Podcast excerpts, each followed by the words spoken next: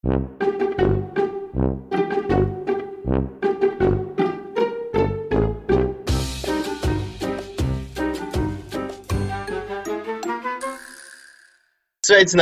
mīļie klausītāji! Šī ir pirmā no septiņām podkāstu drusku izglābta pasauli epizodēm, ko veido biedrība Sendum un interneta žurnāls Satori. Šis podkāsts ir papildinājums mūsu YouTube raidījumam ar tādu pašu nosaukumu, un es aicinu pirms jūs šo klausāties, noskatīties pirmo epizodu. To var atrast eh, YouTube kanālā vai arī satori.lv. Šis projekts ir tapis sadarbībā ar Latvijas vidas aizsardzības fondu sporta preču veikalu Sportland un Ergo apdrošināšanu. Drusku izglābt pasauli ietvaros ieskatīsimies septiņās aktuālās ar vides problēmām saistītās tēmās. Īpaši pievēršoties eh, situācijai, kas notiek tepat pie mums Latvijā. Katru nedēļu man pievienosies divi sarunas viesi un vidas aktīvisti. Šajā epizodē mēs parunāsim par atkritumiem, par to, kāpēc atkritumu šķirošana Latvijā ir tik sarežģīta, kā mēs līdz tam nonācām, kā to var uzlabot un kas mums jādara, lai nākotnē būtu mums visiem tīrāk un skaistāk. Un šodienas mūsu divi viesi ir Marita Lūse, viņa ir Zero Waste Latvijas pārstāve, kā arī Rīgas domas deputāte un vienkārši zaļa dzīvesveida aktīviste. Un otrs viesis ir Ričards Stībe, ģeoloģijas maģistratūras otrā kursa students Latvijas Universitātē un uh, tu strādā par namu apsaimniekotāju un sētnieku, ja? un pats sevi sauc par mazatkritumu ideju kopēju. Kāpēc tieši mazatkritumu, kāpēc ne bezatkritumu, kā mums parasti ir uh, pieņemts? Es izvēlējos, varbūt, lai mainītu uzsvarus, tīri pamainot nedaudz valodā uzsvarus, var pievērst, pastiprināt uzmanību atkritumiem, Es neticu, ka ir iespējams uztaisīt tēli, ne, neradot skaidrs pie zāģēšanas procesa, un tāpēc arī kaut kāda atkritumi rodās, un tas ir pilnīgi dabisks process, un vienkārši tad ir jāmācās domāt, kā mazināt šos atkritumus, un tāpēc arī maz atkritumi, nevis vienkārši bez atkritumi. Man arī parasti draugi mīl piebilst to, ka arī tie visi zero waste veikaliņi, no kuriem mēs forši kaut ko pērkam, viņi jau arī kaut kādus atkritumus rada. Tad tas ir vairāk labi sajūta, ka tu vienkārši neradi atkritumus. Un, jā, pilnīgi es tev piekrītu, atkritumi ir, ir visur. Tādēļ jādomā, kā ar to vislabāk tikt galā. Un, uh, Mairita, pirmo reizi vispār es tevi satiku arī Zero Waste Latvija sapulcē pirms pāris gadiem. Uh, tu turpināji tur visu kaut ko darīt. Es, es sāku kaut ko citu darīt, sāku YouTube video taisīt, bet uh, tagad tu jau esi tālu tikus, es domāju, ar to visu. Varbūt var pastāstīt, ko tu dari Rīgas domē, vai tas ir arī kaut kas ar atkritumiem saistīts. Jā, pirmkārt, es piekritīšu tam, ka tāds bezatkritumu dzīvesveids, nu, bez jebkādiem atkritumiem viņš nav. Ir daudzi, kas sevi dēvē par mazu atkritumu cilvēkiem. Man šis jēdziens arī šķiet tāds precīzāks un realitātei atbilstošāks. Gan no tāda fizikas viedokļa, gan arī no sistēmiskā viedokļa. Nu, mēs dzīvojam pasaulē, kur tev nākas radīt atkritumus, un reizēm tā tiekšanās pēc mazākā atkritumu spainīša pāraugt tādā apsēstībā, kas galu galā vidēji nenodara tik lielu labumu, cik lielu kaitējumu pašam cilvēkam savos centienos. Bet tā Rīgas domē es vadu atkritumu apsaimniekošanas un samazināšanas darba grupu, kur mēs uz šiem atkritumiem nu, no sākuma līdz beigām mēģinam skatīties. Un tiešām ir prieks, ka šeit ir arī mājas apsaimniekotājs un sētnieks, jo šī ir tā tēma, par kuru mēs pēdējā laikā daudz runājam, par šiem māju apsaimniekotājiem. Mēs strādājam šobrīd lielās tēmas, ir bioloģiska noārdāmo atkritumu apsaimniekošana un tā pati Eh, sausā iepakojuma šķirošana, plasmasa, metāls, papīrs. Un, nu, labās ziņas ir tādas, es te jau varu pačukstēt, ka izskatās, ka drīzumā Rīgā pie visām daudzdzīvokļu mājām šī sausā iepakojuma konteineriem vienkārši būs jābūt. Mēs to ieliksim saistošajos noteikumos, kas būs tāds liels solis, lai visiem būtu šie konteineri labāk pieejami, kur ir papīrs, plasmasa un metāls kopā. Vai tas attiecās arī uz privātmājām? Uz daudz dzīvokļu mājām. Uz daudz dzīvokļu mājām. Bet tagad vi visur būs pieejama, kur dzīvokļos cilvēki nu, dzīvo. Jā? Teorētiski, jā, teorētiski mēs šajā virzienā ejam un, un cerams, ka māju apsaimniekotāji arī šos noteikumus ātri sāks ievērot, un mums viņiem nebūs jāskraida pakaļ. Jo šobrīd nu, māju apsaimniekotāji ir tādā kā ķilnieka situācijā. Viņiem viens mājas iedzīvotājs prasa uzliec man lūdzu konteineru, otrs saka, fuj, nevajag, kāpēc aizņem vietu, man tur nepatīk.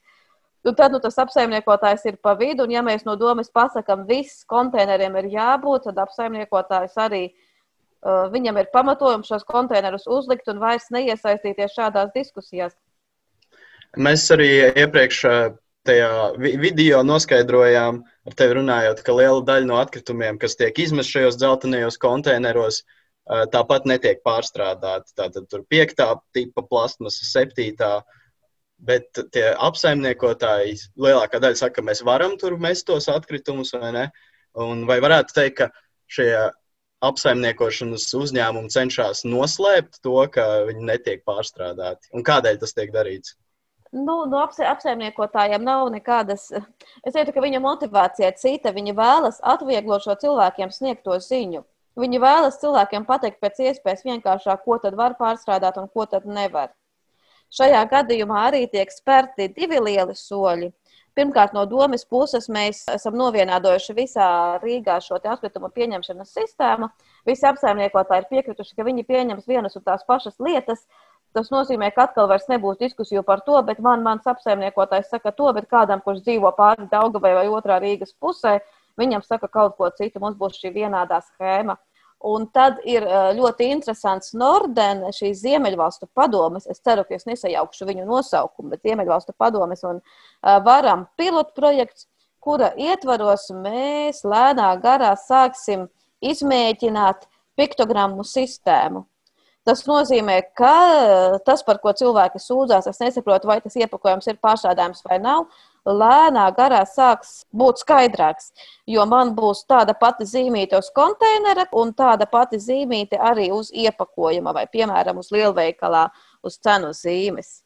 Tas būs vēl papildus tiem uh, cipariņiem, kas jau tagad atrodami uz ielas. Jā, jo tie cipariņi cilvēkam kā tādam neko ne, nu, var arī neizteikt. Bet, ja man ir smags kvadrātiņš, kas saka, jā, šo var pārstrādāt, šo lietu zeltainajā konteinerā, tas ir krietni vieglāk visām iesaistītajām pusēm, gan cilvēkam, gan arī šim atkrituma apsaimniekotājam, kur nav, kuram nav jāskaidro. Bet, nu, ja tur ir tā, tad liec, bet ja tur ir bišķi šitā, tad neliec. Un tad sanāk, ka viņi vairs neap, nevarēs apiet to sistēmu, uzliekot tur zīmes, ka šis ir pārstrādājums, bet patiesībā tas nav pārstrādājums. Šādas viņa joprojām zīmes, ka kāds iepakojums ir pārstrādājams, to jau ražotājs varēs likt, bet uh, mēs mēģināsim šo piktogrammu izmantot saprātīgi. Viena lieta būs jau kāds paziņojums, un otra lieta būs šī viegli atpazīstamā piktogramma. Richard, tev darbojoties kā namu apsaimniekotājiem, tu arī tur saskaries ar atkritumiem, kaut ko tādu? Vistiešākajā nozīmē saskaros, kaut vai no tādām reizēm, kad atkritumu tvērtne ir pārpildīta un ir jāuzlasa izbirušais. Bet nu, tās ir arī pamatā tās ir attiecības ar iedzīvotājiem un šī stāsta stāstīšana. Un, piemēra rādīšana vēl līdz galam neesmu izpratis, kā izstāstīt, kāpēc ir vērtīgi saplicināt pieclitrīgu plasmasas pudeli. Un tajā pašā laikā neesmu vēl līdz galam uzkodis, kā veidot attiecības ar trešo spēlētāju atkritumu jomā, kas ir atkrituma izvedēji. Un, uh, Rīgā tas ir monopols, un uh, monopols, kurā pēc manas pieredzes iekšā ir neliels haoss. Un, uh, kad netiek atkritumi izvesti vai uh, atkritumu tvērtnes tiek iemestas at atpakaļ pagalmā, nu, vienādi sakot, tas ir man kā nav apsaimniekotājiem, ir tāda spēle, kā, kā dabūt iedzīvotāju, gan šķirot, gan pareizi izmest ārā, gan neradīt atkritumu, gan arī veidot šo sarunu ar izvedējiem, kas pat labi ir bijusi gana, gana sarežģīta un uh, vēl ir procesā. Vai tu, liekas, ka vēl joprojām uh, par iedzīvotājiem runājot, lielākajai daļai ir šis uzskats, ka nav jēga pārstrādāt vai šķirot, vai, vai tomēr ir jau situācija mainījusies? Ir daži cilvēki, kuri ļoti izteiksmīgi šķiro, un tad ar, arī viņus nu, nosacīt izmantoju kā piemēru pārējiem iedzīvotājiem, piemēram, esot pie atkritumu kvērtnēm, es eju un paslavēju. Tā kā pasaku paldies un uh, pats veltu laiku tam, lai uh, acu priekšā ieliktu konteinerā un kaut vai pats ar kājām palēkāt tur un samīcīt, vai arī pārmestu stiklu uz stikla konteineru. Ir, ir savādi, ka tomēr lielākajai daļai es teiktu, ka kaut kādiem nu, virs 50% nav šī izpratne par šķirošanu. Kaut vai tā ir klāta šī informācija, kaut vai tagad ir visādi ienākoši projekti, cilvēki nesatausta to vēstījumu. Un tad jautājums ir, kā to nodot. Nevis ieviest likumā, ka visur tagad ir dzeltenie konteineri, bet kā pastāstīt, lai viņi tiešām tiktu izmantoti. Tagad jums ir šī, šī iespēja, iespējams, kā, kāds klausās, un varbūt viņam ir uzskats, ka rīkojas pietiekami atbildīgi, izmetot visus atzīves atkritumus. Ko jūs varētu teikt šiem cilvēkiem, Nu, man gan šķiet, ka ar šo podkāstu mēs jau visdrīzāk nonāksim pie tiem, kuri šķiro.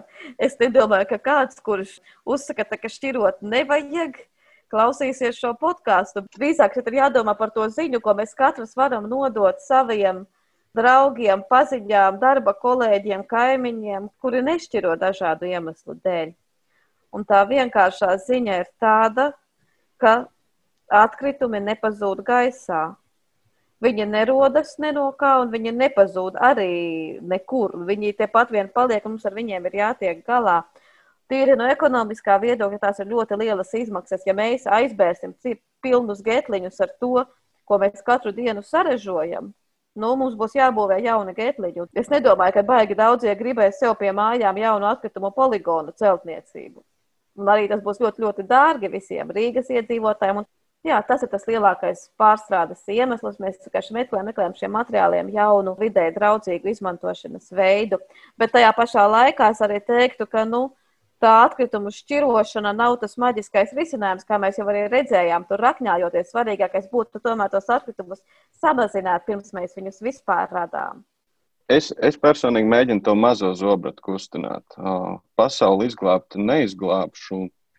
Tomēr es veltu laiku, teiksim, mājas kopējā čatā, ieliekot informāciju, ieliekot uh, vizuālu materiālu, tā kā satiekot, vienkārši parunājoties. Un, uh, teiksim, kā man ģimene savā ikdienā, viņa kaimiņiem pateica, viss mēs tagad pērkam atsevišķu konteineru, jūs nāksiet, mēs jūs pieskatīsim, kā jūs sašķirojat. Nu, tas ir tāds nu, vienkārši nu, darbs, ar, darbs ar sevi un savu mazo apkārtni man šķiet, ka tai šķirošanai vienkārši, man šķiet, ka tā jau ir daļēji norma, lai tu būtu tāds labs cilvēks pēdiņās, tev ir jāšķiro atkritumi. Šobrīd tas uzskats jau veidojas. Ja tu nešķiro, nu, uz tevi tomēr sāk jau lēnām, lēnām skatīties dišķi šķībi. Mums vienkārši jāizveido šī sabiedrības norma, kas jau veidojas, ka šķirot, tā ir tāda laba cilvēka, normāla, normāla cilvēka, pat ne laba cilvēka, bet normāla cilvēka paradums. Tajā pašā laikā es gribētu tomēr norādīt, ka Rīgā nepastāv atkrituma apsaimniekotāju monopols. Šī ir ļoti gara un sāpīga tēma, par ko man arī ir nācies pēdējā laikā, kopš es esmu Rīgas domē, daudz uh, uh, runāt un domāt, bet Rīgā ir uh, šie, te, šīs te četras atkritumu apsaimniekošanas zonas, kuras apsaimnieko trīs atkritumu apsaimniekotāji. Nu, ja mēs atļausim tādu absolūto brīvo tirgu, par kuru gan būtu sajūsmā tāds organisms kā konkurences padome, par kuru lielākā daļa uh, pat nenojauš. Tad nu, var gadīties tā, ka kādam, kas dzīvo nomalē, pie viņa neviens negribēs braukt, un viņam piedāvās ļoti augstas cenas. Tā kā Rīgā, jā, katrai zonai ir šis viens atkrituma apsaimniekotājs. Bet es pareizi sapratu, ka izvešana ir klīnera pārvaldībā pilnīgi visa, un tad ir divās zonās. Un tad ir vēl ir Eko Baltija vide un Lautas pilsēta vide, kuram katram ir savs. Kā sava zona, ja mēs iesim mājās un paskatīsimies, kāds mums ir vārds uz konteineru, tad mēs arī sapratīsim, kurš mūs apsaimnieko. Un tad arī rodas tie pārpratumi, piemēram, ja cilvēks sociālajos tīklos skatās reklāmas, un viņš redz, tad viņš redz klīneru, tad viņš redz Lautas pilsētu, vai tad viņš redz Eko Baltija vide, un viņš nesaprot, kuru klausīties. Tāpēc mēs novienādojām šos te noteikumus, lai visi pieņemtu vienas lietas. Nu, tad uh, prieks, ka vismaz kaut, kaut kas uh, iet uz labo pusi, bet ja mēs atskatāmies atpakaļ, uh, kad sāka tā izteiktāk šķirot pirms gadiem 15, 10, aicināt cilvēkus uz šķirošanu Latvijā. Rietumē Eiropā ir veicies krietni labāk, manuprāt, šķirošanas tas procents ir ļoti augsts, tikmēr Latvijā tiek šķirots cik 9%, kaut, kaut kas tam līdzīgs. Tagad ne, nepateikšu konkrētus faktus. Kas nogāja greizi un, ja varētu pagriezt laiku atpakaļ, ko mēs varējām darīt citādāk, lai būtu viena no līderiem atkritumu šķirošanas sfērā? Nu, šeit no manas puses nebūs tādas vienkāršas atbildes, kā mēs varētu tagad, ja es varētu aiz, aizceļot laikā atpakaļ un tagad sākt organizēt atkritumu apsaimniekošanas sistēmu, ka šī jārunā, jārunā, jārunā ar cilvēkiem. Tajā pašā laikā šobrīd es pievērstos vairāk ne tikai šai runāšanai ar cilvēkiem, jo nu, man tas nešķiet godīgi novelt tikai uz iedzīvotāju, bet tieši uz šiem ražotājiem mums būtu jāpanāk tas, lai mums veikalos būtu vairāk šī pārstrādājamā iepakojuma, ja mēs vispār izmantojam iepakojumu, mēs izmantojam iepakojumu tad, kad viņu vajag. Es arī saprotu, kur radās šī cilvēku vilšanās pie šķirošanas, tad, kad kāds te vairāk paziņas sociālajos tīklos, izrevidēja savu atkritumu konteineru un paskatījies to tā, kas tad ir pie šiem šķirojamajiem, kas tad ir tas, ko reāli var pārstrādāt, un tad viņi bija šokā par to, cik tā ir maza daļa. Nu, līdzīgi kā mēs darījām ar Edgars, kad mēs tur dalījām un skatījāmies, ko var, ko nevar. Ja mēs katrs pie sevis mājās tā paskatītos, tad nu, tā situācija ir diezgan bēdīga. Man šķiet, ka šīs uzsvars uz atkritumu savākšanu ir pārlieku liels. Ja mēs sakārtotu to sākuma daļu, ražotājus un tirgu, tad tā šķirošana būtu krietni vienkāršāka un skaidrāka. Un vairāk konteineri? Vai tas, vai tas kaut ko atrisinātu? Nu, konteineri mēs viņus varam likt, cik gribam. Viņi ir vajadzīgi un viņi ir nepieciešami, bez viņiem nevarēs. Bet vienkārši saliekot konteinerus, tas ir tas, ko mēs varam izdarīt kā pašvaldība. Nu, mēs viņus vienkārši saliekot līdz galam šo situāciju neatrisināsim. Ja mums veikalos būs pilns ar piekto PP un citām lietām. Par konteineriem varu piebilst, ka teiksim, tagad ir četri pilni konteineri. Noliks piekto konteineru, būs pieci pilni konteineri. Tas ir uh, praksē pierādījies paradoks. Tāpat arī kaut kur bija dzirdējis piemēru, ka nav pilsētā no, nolikt šie nu, mazās atkrituma tvērtnes, un, un tajā, tajās vietās nevajadzēs atkritumi. Un paga, mājas pagalmā bija pīpētava, un kur arī stāvēja tāds spainīts vienkārši. Un kurš uh, visu laiku aizpildījās, un visur apkārt viņam radās atkritumi. Un, uh, uztaisīju testu, šo spainīti noņēmu. Vieta tīra. Tas tiešām ir stāsts par neracionālo cilvēku. Tad man ir jautājums, kurš palika šie izsmēķi? Jo cilvēki neatmeta pēkšņi smēķēšanu. Ja viņi netika samesti notekūdeņos, tad viss ir kārtībā.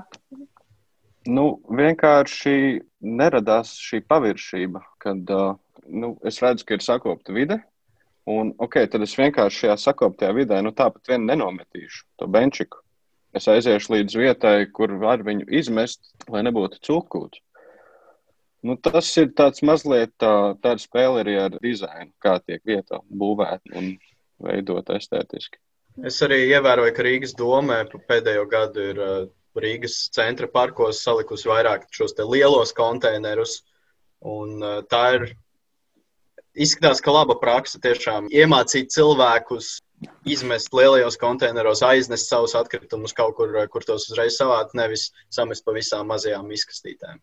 Nu, ar mazajām izkastītēm parkos problēmas ir vārnas un kājas, kas ir ļoti parasti putni, bet man ļoti patīk. Bet katru reizi, kad es ieraugu, ko viņas dara ar miskastēm, man saceļas mati gaisā. Labi, bet parunāsim tagad par nākotni, par to, kā šo situāciju varētu risināt un kas notiek tuvākajos gados. Kaut ko jau nedaudz mēs pieskārāmies, bet tagad, laikam, aktuālākais jautājums pēdējos gados ir par depozītu sistēmu. Kāds tā ir progress, kad mēs to beidzot ieraudzīsim? Tas, ko sola vidas ministrijas, ka nākamgad mums šāda sistēma būs.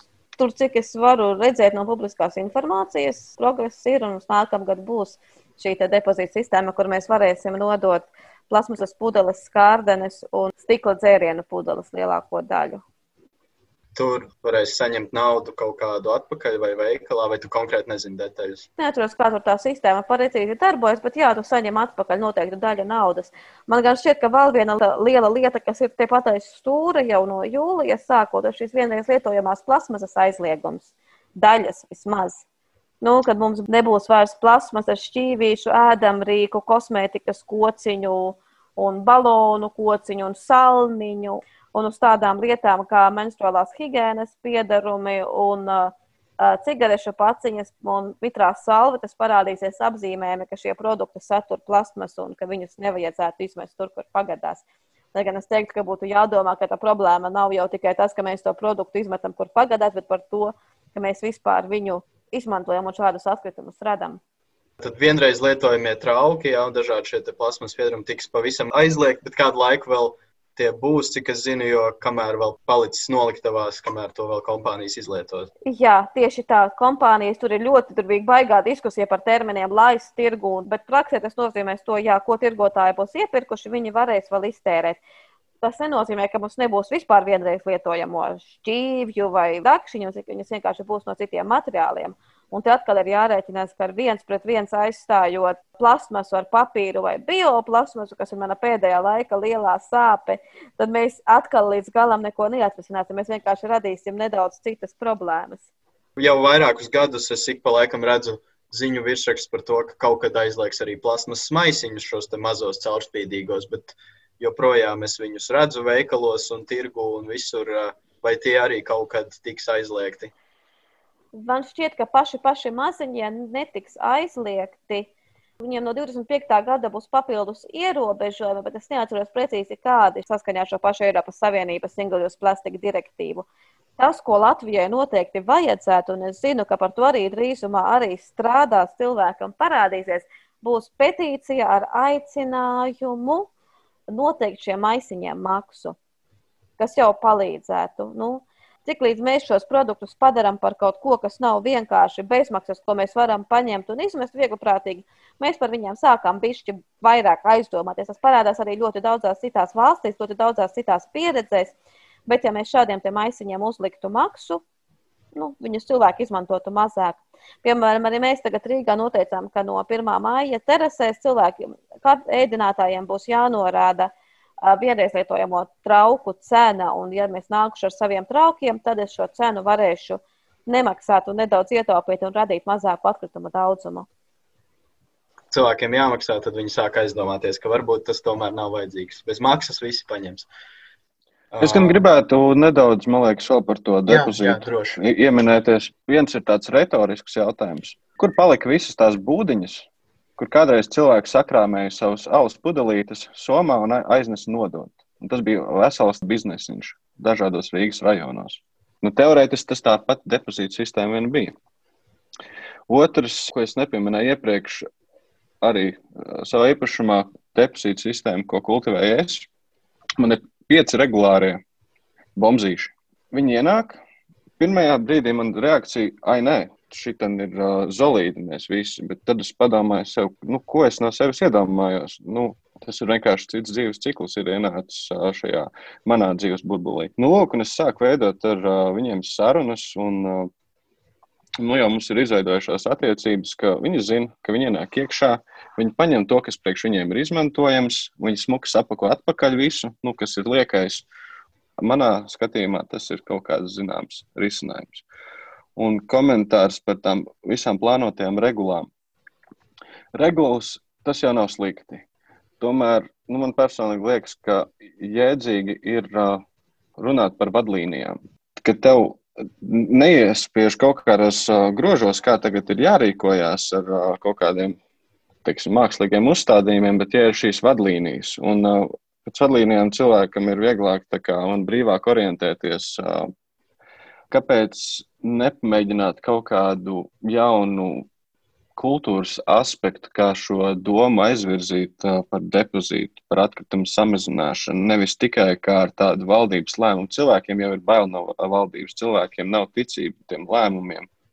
Man, man patīk tas drēbju kaudze, kas bija kaut kad pie kongresa nama. Tagad viņa kaut kur citur, ja nemaldos, stāv pie kāda no viens neizslēdz otru. Mēs nevaram iztikt bez šīs skaidrošanas, bez mākslas un bez tā, ka mēs katrs personīgi izvērtējam, ko es daru ar savu dzīvi. Un cik daudz es atkritumus radu un kāpēc, un ko tas vispār man nozīmē kā individam, ko tas mums nozīmē kā sabiedrībai, un kāpēc mums tik ļoti prasās pirkt šīs lietas, un kāpēc mēs tik daudz patērējam. Mēs nevaram bez, ne bez šādiem te, tehniskiem un, un, un, un ļoti schematiskiem noteikumiem, par materiālu tipiem un trīsstūrīšiem, un ko mēs varam un ko mēs nevaram. Mēs nevaram arī bez šīs mākslinieckās daļas un sarunām par eh, mūsu attiecībām ar atkritumiem. Tas uh, vidas dizains, ko mēs radām, uh, ka ērtāk ir dzīvot bez atkritumiem nekā ar atkritumiem. Ērtāk ir izmest miskastē vai lielajā konteinerā nekā uz zemes. Kādi vēl, uh, jūsuprāt, ir risinājumi, kā mēs varam nākotnē radīt šādu bezatkritumu vidi, kurā mēs paši gribētu dzīvot. Man vispār šķiet, ka runājot par atkritumiem, reizē mums ir jānodefinē, par ko mēs runājam. Vai mēs runājam par iepakojumu, vai mēs runājam par plastmasu, vai mēs runājam par jebko tajā skaitā apģērbu, rotaļlietas, kas man pēdējā laikā ir aktuāli un visu pārējo, ko mēs redzam mājās. Un katru, uz katru no šiem jautājumiem būs cita atbilde. Es, es domāju šeit konkrētāk par, par iepakojumu. Tad paliekam pie iepakojuma. Nu, tad tur ir ļoti daudz psiholoģijas. Arī tas tā dēvētais sociālais nudžings, kā mēs viens otru varam pabakstīt un kā mēs varam pabakstīt cilvēkus šajā mazatkritumu dzīvesveida virzienā kaut vai šīs pašas cenas norādīšanas vienreiz lietojamajiem produktiem, padarīt cilvēkiem šīs iepirkšanās iespējas tuvu, nu, jo mēs nevaram prasīt, lai tagad visi jauktos uz beziepakojuma veikaliem, kuri atrodas tikai noteiktos rajonos. Es ļoti priecājos, ka lielveikalu ķēdes, pie, īpaši Rīgā, lēnām sāk pārņemt šīs prakses. Tur jau tiek piedāvāta sadzīves ķīmija, un man te putniņa čuks, ka viņa nākotnē arī citus produktus plāno piedāvāt. Redzēsim, vai viņiem tas arī pārvērtīsies realitātē, bet viņi to apsver. Šī visa bezatkrituma dzīvesveida normalizēšana, kas jau notiek, ja pirms pāris gadiem iet ar savu trauciņu un prasīt tur ielikt ēdienu pie kaut kas jocīgs, tad tagad man vairs nav problēma nevienā praktiski nevienā kafejnīcā. Es neatceros, kad man pēdējo reizi būtu bijušas problēmas palūgt ielikt kaut ko, ko es pērku gatavu savā traukā. To visi jau pieņem un saprot. Un to saka arī beziepakojumā veikali, paskatoties tā bija šī solīta atpakaļ uz piegādēm. Ja viņiem no sākuma nācās tiem ražotājiem skaidrot, kas viņi vispār ir un ko viņi vispār grib, un tie ražotāji skatījās un teica, ko jūs gribat, kā, kā mums būtu jāved, tagad jau visi ražot, lielākā daļa ražotāju arī to saprot. Un man šķiet, arī šī visa pandēmija ir arī tāds lūzuma punkts, jo es mēģinu runāt ar cilvēkiem ārpus sava zaļā burbuļa, un tad viņi saka, ka tieši šis laiks, kad viņi sēdēja mājās un pasūta ēdienu uz mājām un nekur negāja, tad viņi jūta, kā viņi slīkst tajos atkritumos un iepakojumā. Tas ir tāds lūzuma punkts daudziem cilvēkiem. Es dzirdu no cilvēkiem, ne zaļajiem, ne jau no zaļajiem, no tādiem pilnīgi parastiem, normāliem pēdiņās cilvēkiem, kuri saka, zini, es nopirku konfektes, uh, Un tā milzīgā kaste, man bija iekšā 10, 12 konfektes. Kāpēc tā vispār dara? Vēl pajautāšu jums nobeigumā, sākumā tev, Ričard, kas tevi pamudināja sākt aizdomāties par šiem jautājumiem? Un... Manā gadījumā tas bija ļoti vienkārši un neapzināti. Jau krietni laiku pirms nāca klajā vārdi zero waste. Cik tas apzinātais vecums, kaut kādi 7 līdz 10. Tētis teica, tur viņam bija tāds ļoti zīmīgs teikums: Neesi grābens. Man nav žēl lietas tik ēdienu, cik tu gribi, bet arī cik tu vari apēst. Kaut kā mums tā šķirošana, mēs ar māsu runājam, kā tas var būt, ka mums vecāki vienkārši nevienu nepamudinātu to darīt. Varbūt tas ir vienkārši kaut kas atkal no viņa vecāka pieredzes, kā laukos dzīvo. Varbūt tas ir vienkārši jā, tā izpratne, kas no kā rodās, ka kurā brīdī ir pat daudz, kurā brīdī sākās izlaidība, un tas vienkārši tika pastāstīts. Un tālāk jau tas aizgāja nu, fakultātes dzīvē, fakultātes tradīcijās, geogrāfijas fakultāte, kur mums ir laiva braucieni, kas ir 250, 300 cilvēki. Un tajā brīdī, kad es organizēju šos braucienus, pienāk brīdis, kad ir bijušas trīs nometņu vietas, un svētdienas vakarā pēc pasākuma visi autobusi ar cilvēkiem ir aizbraukuši projām.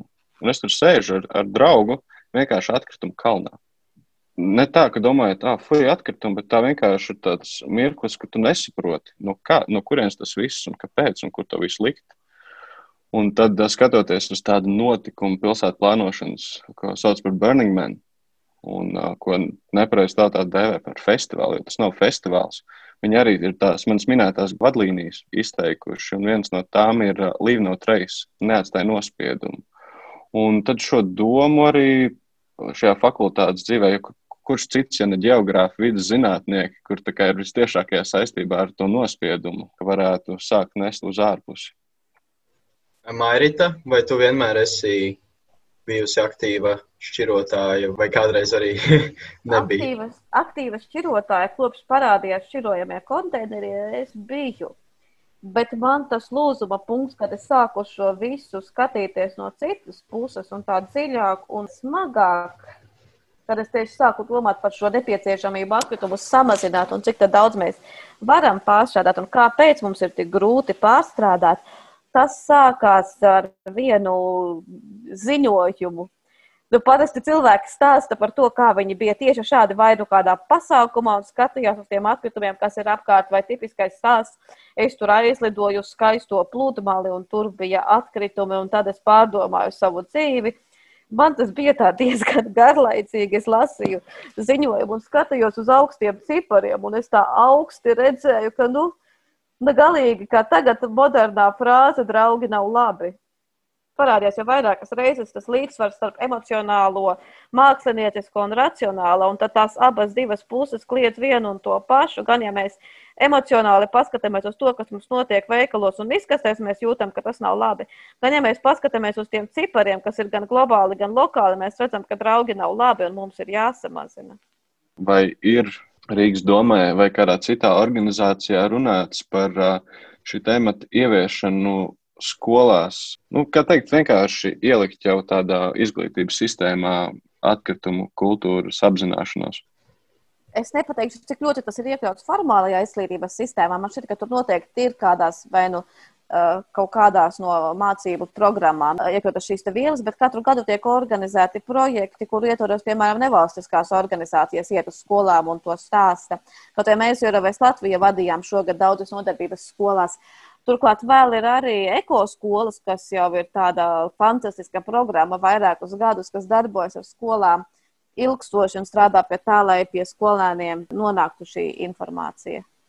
Jā, es arī eh, no savas pieredzes nedaudz pastāstot, esmu izaudis šajā ekoskolu programmā jau no pirmās klases. Mums rādīja dažādas izglītojušos materiālus par atkritumu šķirošanu. Gājām dabā, vācām atkritumus, vienmēr skolā visur stāvēja šie divi konteineri. Toreiz bija papīrs un plastmas atsevišķi vēl. Un tas tik tiešām ir labs veids, kā izglītot jauniešus, jo skolai, izglītības sistēmai iziet cauri visi Un šādas podkāstus varbūt visi neklausās. Bet cik es esmu jautājis arī par to, kad kaut ko tādu ieviesīs visā izglītības programmā, tā atbilde ir, neviens man nevar pateikt, tas ir sarežģīti un ka nav šī iniciatīva, cik es saprotu, no valsts puses. Varbūt tā nav obligāti jābūt iniciatīvai no valsts skolas. Skolas jau pašas var pieņemt tādu lēmumu. Nevēl ir stunda kā audzināšanas stunda, man liekas, tā tas bija. Kāpēc reizē nedēļā šī audzināšanas stundā ir izglītotiem skolotājiem nepievērsties pie sabiedriski aktuālām lietām, ne tikai pie skolas lietām, vai arī nu, tikai uzdot jautājumu, kāpēc tu nemācies kādam no audzēkņiem? Bet es domāju, ka tas jau arī patiesībā notiek ļoti daudz un bieži. Un es arī tie ekoskolu fórumi, kad es pirmo reizi ieraudzīju un aizbraucu pats uz tādu, cik mums ir vairāki simti skolas Latvijā. Tur bija kādi 300 dalībnieki, jaunieši, kuri visi aizrautīgi runā par šķirošanu. Noteikti varbūt vajadzētu vairāk. Man šķiet, ka jaunieši šajā tēmā kļūst aizvien ieinteresētāki. Es pati esmu vadījusi nodarbības skolās diezgan daudz, un tad, kad tu tur aizbrauc, lai kurā Latvijas vietā tas arī būtu, katrā klasē ir vismaz viens jaunietis, kurš māja galvu ne tikai par šķirošanu, bet par atkritumu samazināšanu, kas ir tas pirmais solis. Ko māja galvu un stāsta par savām mīļākajām šampūnu ziepēm un, un auduma maisiņiem un stāsta, cik tas ir labi. Tā, ka, jaunieši par šo tēvu, es ceru, ka kļūst aizvien izglītotāki. Cerēsim, ka mūsu raidījumu skatīsies, un tādēļ lūdzu arī dalieties ar, ar draugiem. Ja jums šis likās interesanti, gaidiet nākamās epizodes katru nedēļu, piesakojiet Satorī un tiekamies jau nākamajos raidījumos.